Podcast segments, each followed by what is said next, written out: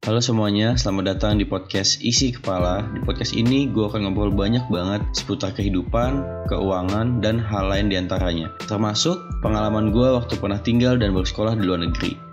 Oke, sebelum ke mana-mana, izinkan gue memperkenalkan diri gue dulu. Nama gue adalah Bagus Mahendra. Sekarang gue adalah mahasiswa aktif semester 7 di DKV.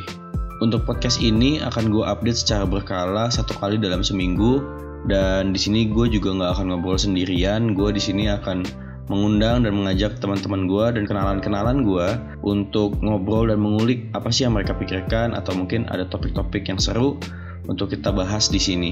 Jadi kira-kira siapa dan ngomongin apa aja, stay tune terus di podcast ini. Sampai jumpa.